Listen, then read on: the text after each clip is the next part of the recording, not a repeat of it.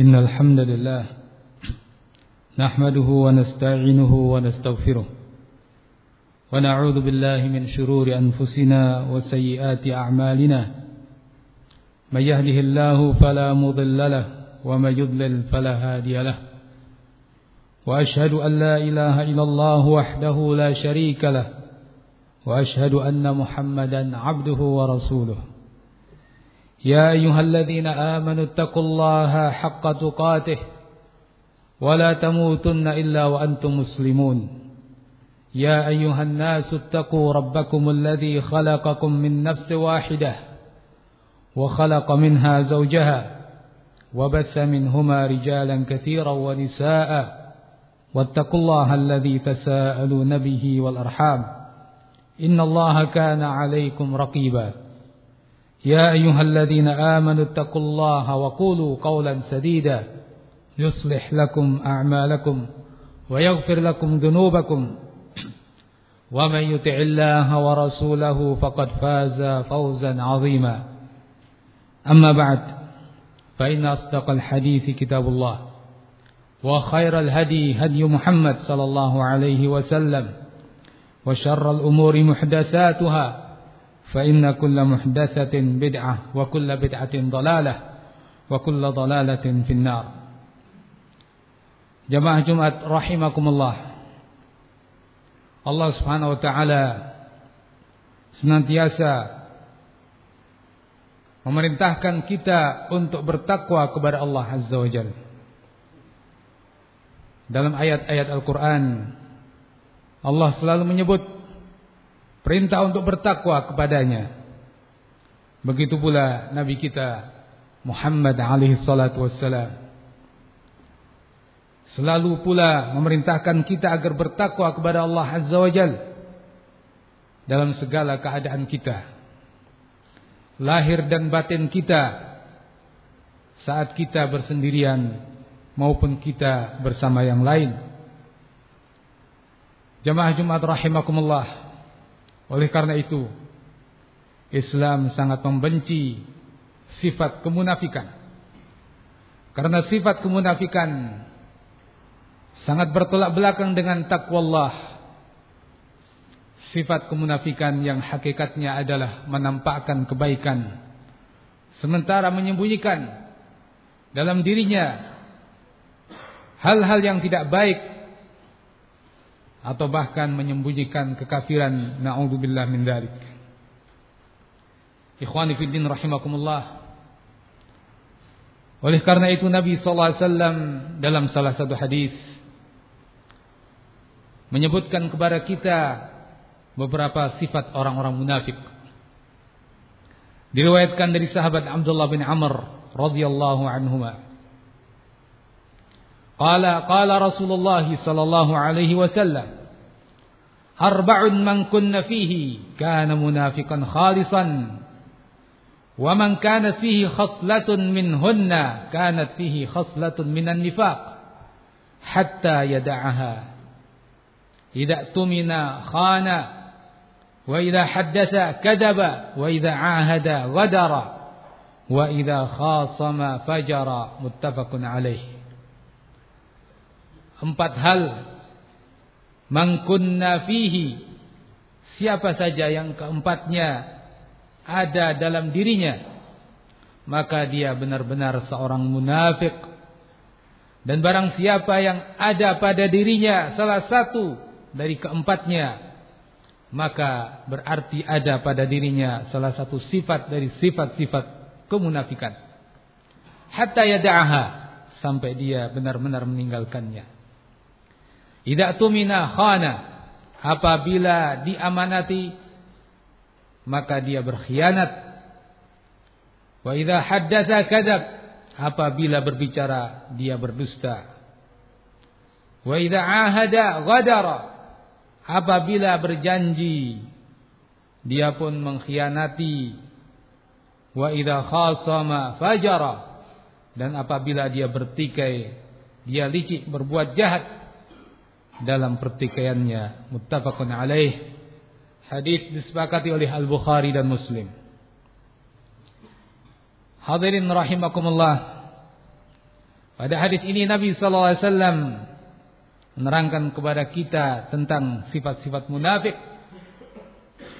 dan bahwa seorang yang memiliki salah satu darinya berarti dia memiliki sifat dari sifat-sifat kemunafikan.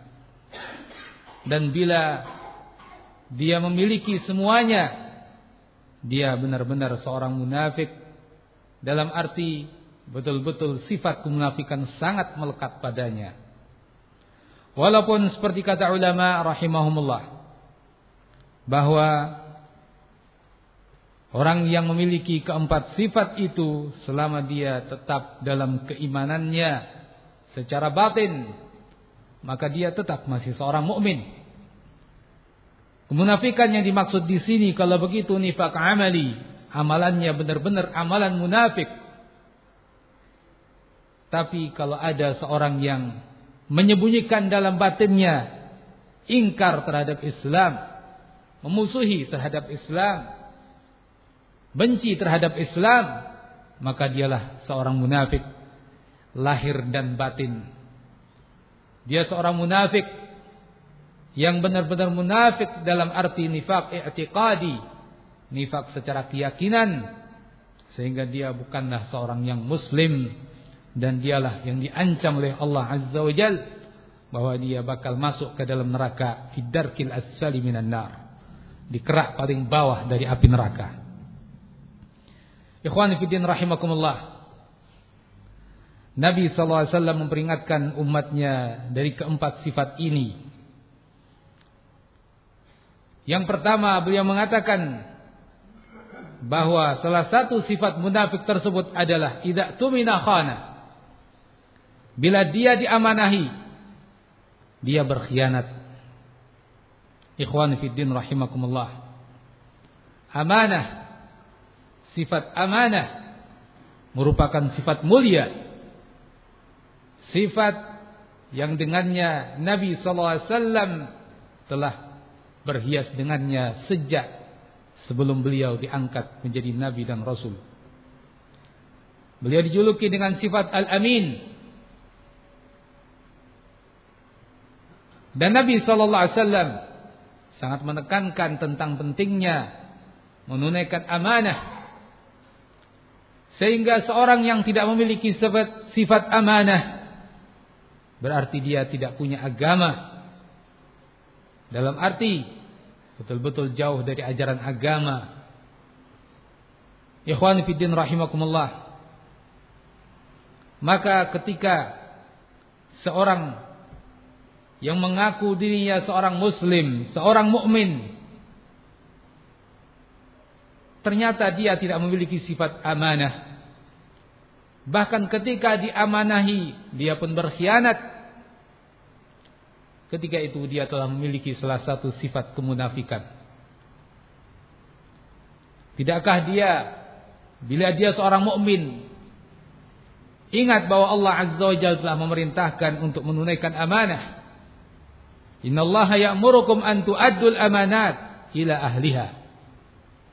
Sesungguhnya Allah Azza wa Jalla telah memerintahkan kepada kalian untuk menunaikan amanah menyampaikannya kepada orang-orang yang memiliki amanah tersebut. Ikhwan fillah rahimakumullah. Amanah dalam keadaan apa pun tidak boleh lepas dari jiwa seorang muslim. Mengkhianati suatu amanah dalam keadaan apa pun tidak diperbolehkan sampai pun dalam keadaan perang. Amanah merupakan sesuatu yang wajib dipenuhi. Ikhwani fiddin rahimakumullah. Seperti diingatkan oleh ulama, kalau dusta dalam keadaan tertentu ada rukhsah. Tapi khianat tidak ada rukhsah dalam keadaan apa pun tidak ada kondisi apa pun yang membuat seseorang boleh berkhianat. Sehingga ikhwan fiddin rahimakumullah. Seorang yang ingin betul-betul mewujudkan iman dalam dirinya. maka dia betul-betul wajib menghiasi dirinya dengan sifat amanah dan menjauhi dari sifat khianat. Kemudian yang kedua Nabi katakan wa idza haddatsa kadzab. Bila dia berbicara dia berdusta. Dusta merupakan ciri khas juga bagi sifat orang-orang munafik. Bahkan kemunafikan adalah kedustaan. Karena seorang munafik adalah yang menampakkan kebaikan, menyembunyikan kekafiran. Dan itulah dusta. Maka ikhwani fiddin rahimakumullah. Seorang yang memiliki sifat gadib, kedustaan. Betul-betul dia telah memiliki sifat kemunafikan. Dan ciri khas bagi seorang munafik. Ikhwan fiddin rahimakumullah. Nabi SAW telah memperingatkan dengan peringatan yang sangat keras dari sifat dusta. Dusta dalam berbicara, dusta dalam berbuat. Dalam hadis beliau yang masyhur, beliau mengatakan wa iyyakum wal kadib. Jauhi oleh kalian perbuatan atau ucapan dusta. Fa innal kadhiba yahdi ilal fujur. Sesungguhnya kedustaan menyampaikan, menghantarkan kepada kejahatan. Wa innal fujura yahdi ilan nar. Dan sungguh kejahatan merupakan sesuatu yang akan menyampaikan kepada neraka.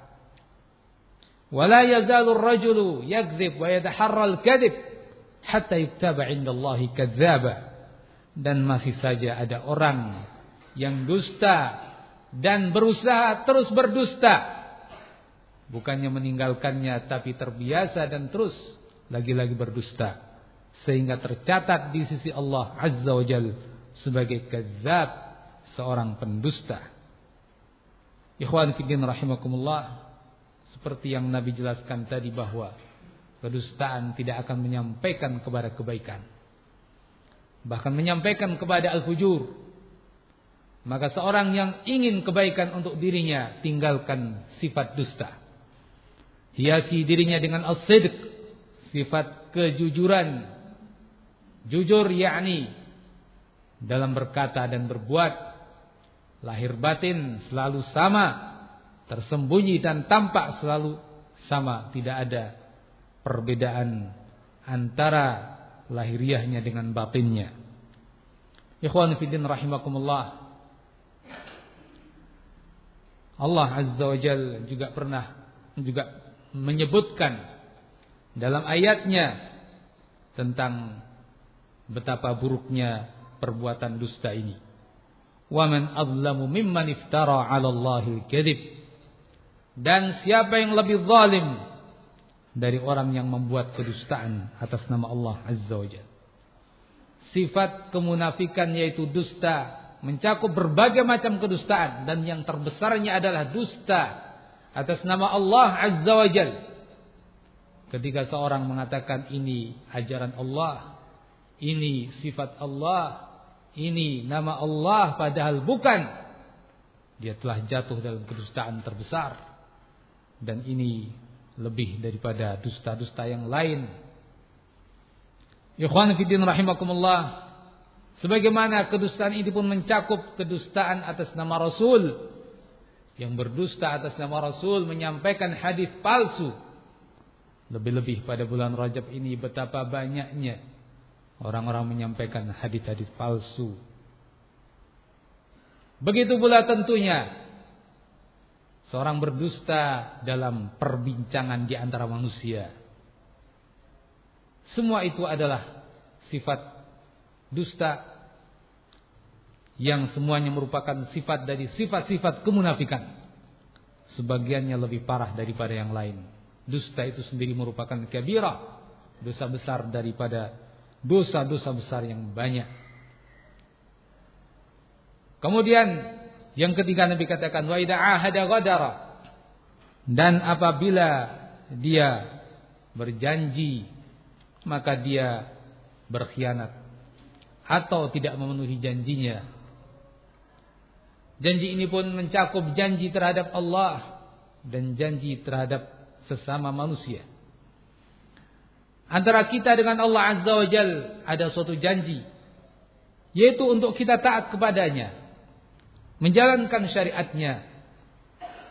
Maka ternyata ketika kita bermaksiat kepada Allah. Bukan hanya dosa yang kita perbuat. Tapi juga ternyata kita punya salah satu sifat salah satu sifat kemunafikan karena ada unsur mengingkari janji atau tidak melaksanakan apa yang telah menjadi perjanjian antara kita dengan Allah Azza wa. Syahadatain yang kita ucapkan, ikrar yang kita ucapkan mengandung kesiapan untuk taat kepada Allah dan Rasul. Ada janji di pundak-pundak kita. Sekali lagi, Termasuk dalam hadis ini tidak memenuhi janji adalah antara kita dengan Allah Azza wa Jalla. Nasallallahu salamah. Semoga Allah Azza wa Jalla memberikan kepada kita keselamatan. Tetap istiqamah dan berusaha untuk selalu taat kepada Allah sehingga kita tidak tergolong mereka yang tidak memenuhi janjinya terhadap Allah Azza wa Jalla. Sebagaimana juga mencakup tentunya janji di antara makhluk. Ini pun wajib dilaksanakan. Dan bila tidak, maka dia telah memiliki salah satu sifat daripada sifat-sifat kemunafikan. Dan yang terakhir adalah wa idza khasama fajara. Apabila dia bertikai, dia pun berbuat fujur, berbuat jahat, berbuat licik. Ketika dia bertikai dengan yang lain tidak jujur dalam menyelesaikan pertikaiannya, Suatu hal yang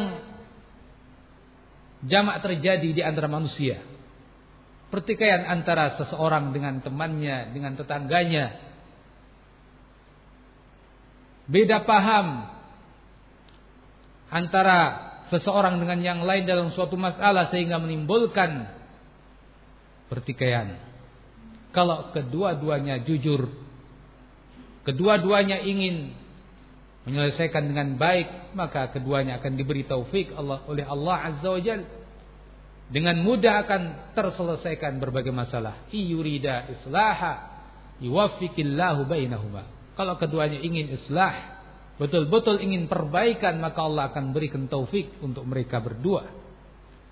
Tapi seorang munafik tatkala ada pertikaian dia akan licik. Dia akan punya misi dan trik-trik untuk mencapai targetnya. Bahkan dia pun rela berbuat dusta, bahkan terkadang rela memalsukan data dan berbagai cara yang dia lakukan bahkan seandainya pun bersumpah dengan nama Allah, dia siap. Inilah al-fujur, kejahatan dalam suatu pertikaian yang itu merupakan sifat daripada sifat-sifat munafik Ikhwani fiddin rahimakumullah, seorang mukmin mesti menjauhi berbagai sifat-sifat tersebut agar imannya betul-betul terwujud sehingga dia di sisi Allah Azza wa Jal benar-benar sebagai seorang mukmin bukan hanya di hadapan manusia. Ja'alallah ja'alana Allah wa iyyakum minal ladzina yastami'una al-qawla fayattabi'u ahsanah.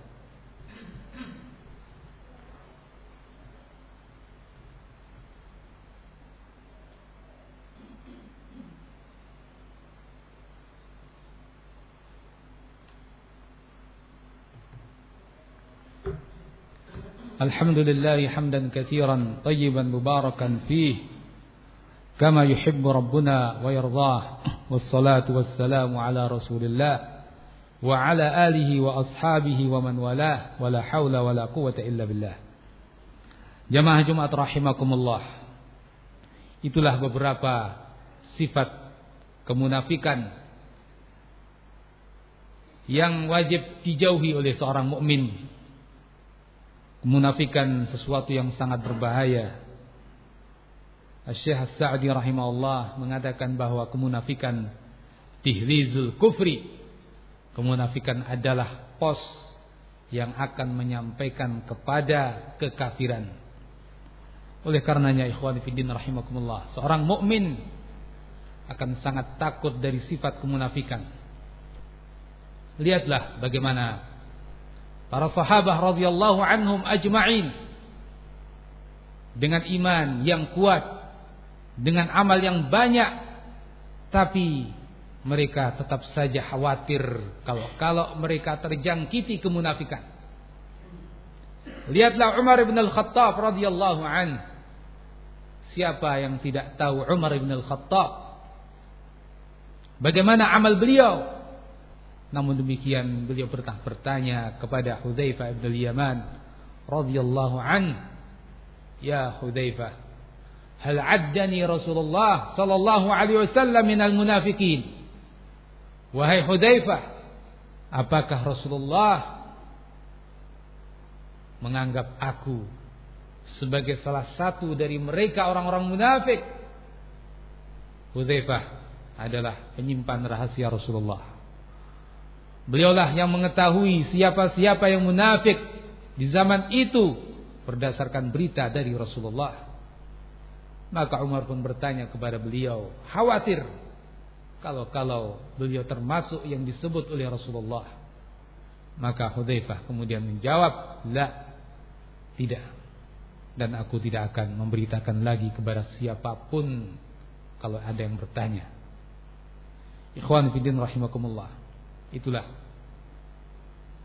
sahabat Umar radhiyallahu an. Dan bukan hanya Umar, bahkan para sahabat radhiyallahu anhum ajma'in. Mereka khawatir terjangkiti sifat kemunafikan. Al-Bukhari rahimahullah meriwayatkan dari Ibnu Abi Mulaikah secara muallaq beliau mengatakan adraktu salasina min ashabi Rasulullah sallallahu alaihi wasallam kulluhum yakhafu ala nafsihi nifaq Aku pernah bertemu dengan 30 dari para sahabat Rasulullah sallallahu alaihi wasallam dan masing-masing dari mereka takut kalau kalau dirinya punya sifat kemunafikan atau khawatir dirinya sebagai munafik. 30 yang dijumpai oleh Ibnu Abi Mulaikah semuanya merasa seperti itu. Seandainya Ibnu Abi Mulaikah berjumpa lebih daripada itu, kita yakin semua juga akan diketahui mereka takut dan khawatir akan kemunafikan pada dirinya. Ikhwanu fiddin rahimakumullah. Begitulah semestinya seorang mukmin dan itu merupakan ciri seorang mukmin yang imannya sadik. Lihatlah bagaimana ucapan Al Hasan Al Basri rahimahullah. Sebagaimana diriwayatkan pula oleh Al Bukhari. Al Hasan Al Basri rahimahullah pernah mengatakan ma khafahu illa mu'min wala aminahu illa munafiq. Tidak ada yang takut terhadap kemunafikan kecuali dia seorang mukmin dan tidak ada yang merasa aman dari kemunafikan kecuali dia adalah munafik. Ikhwan fiddin rahimakumullah. Sehingga kalau begitu ini merupakan ciri siapakah seorang mukmin dan siapakah seorang munafik. Mari kita koreksi diri-diri kita. Apakah kita sudah termasuk dan apakah kita merasa khawatir terhadap kemunafikan, takut jangan-jangan kita tergolong dari mereka. Kalau betul-betul ada rasa itu, maka bersyukur kepada Allah Azza wa Jal. Tapi seorang mukmin tidak kemudian merasa aman, terus dia akan merasa merasa takut dan khawatir. Tapi kalau kita sudah merasa aman dari kemunafikan, merasa kita sebagai seorang mukmin yang benar-benar mukmin di sisi Allah Azza wa Jal. Merasa bahwa amal kita telah diterima oleh Allah. Merasa bahwa kita bakal masuk surga. Nauzubillah. Justru itu adalah sifat munafik. Ma aminahu illa munafik. Kata Al-Hasan Al-Basri rahimahullah. Tidak ada yang merasa aman darinya kecuali seorang munafik. Ikhwan fiddin rahimakumullah. Dan atas dasar itu para ulama kita dahulu Mereka tidak berani untuk menyatakan dirinya sebagai seorang mukmin. Bila ditanya mereka mengatakan, saya mukmin insya Allah. Apakah anda seorang mukmin? Dia menjawab saya mukmin insya Allah. Kenapa pakai insya Allah segala? Khawatir kalau kalau ternyata di sisi Allah kita nggak dianggap. Nasallallahu salamah. Kita mohon keselamatan dari Allah Azza wa Jalla. Karena ternyata iman kita begitu lemah. Begitu jauh dengan apa yang ada padanya para sahabat radhiyallahu anhum ajma'in. Sekali lagi bahwa inilah sifat seorang mukmin. Allah pun menyebut dalam ayatnya, "Walladzina ya'tuna ma atau wa qulubuhum wajilah." Dan merekalah orang-orang mereka adalah orang-orang yang melakukan apa yang mereka lakukan dalam keadaan mereka takut. Kalbu mereka takut. Al-Imam At-Tirmidzi meriwayatkan bahwa Aisyah radhiyallahu anha bertanya kepada Rasulullah tentang ayat tersebut. Aisyah mengatakan, "Ya Rasulullah, huwa alladhi yasriq wa yazni wa yashrabul khamra wa yakhafullah." Wahai Rasulullah, apakah yang dimaksud dengan ayat itu? adalah seorang yang mencuri, seorang yang berzina, seorang yang minum khamr dan dia takut kepada Allah. Nabi menjawab, "La ya ibnata Siddiq." Bukan itu wahai putri As-Siddiq. Walakinnahu alladhi yusalli wa yasum wa yatasaddaq wa huwa. Tapi dia adalah orang yang ber, melakukan salat. Dia adalah orang yang berpuasa dia adalah orang yang bersedekah tapi takut kepada Allah Azza wa Jal. Dalam riwayat yang lain dikatakan wa yakhaf alla yuqbala minhum. Dia khawatir kalau-kalau amalnya tidak diterima. Itulah ahibati fillah rahimakumullah, seorang mukmin. Ternyata seperti itulah jiwa seorang mukmin. Beramal tapi takut, khawatir antara berharap mengharap pahala dari Allah dan khawatir cemas kalau-kalau tidak diterima di sisi Allah Azza wa Jalla. Ikhwan fillah rahimakumullah. Semoga Allah Azza wa senantiasa memberkahi kita di mana pun kita berada. Semoga Allah Azza wa menjadikan kita tergolong mereka yang mukminin sadiqin ja'alana Allah wa iyyakum minal mu'minin as-sadiqin وعادنا الله من النفاق وعادنا الله من الكذب ومن خصال النفاق سبحان ربك رب العزة عما يصفون وسلام على المرسلين والحمد لله رب العالمين وأقم الصلاة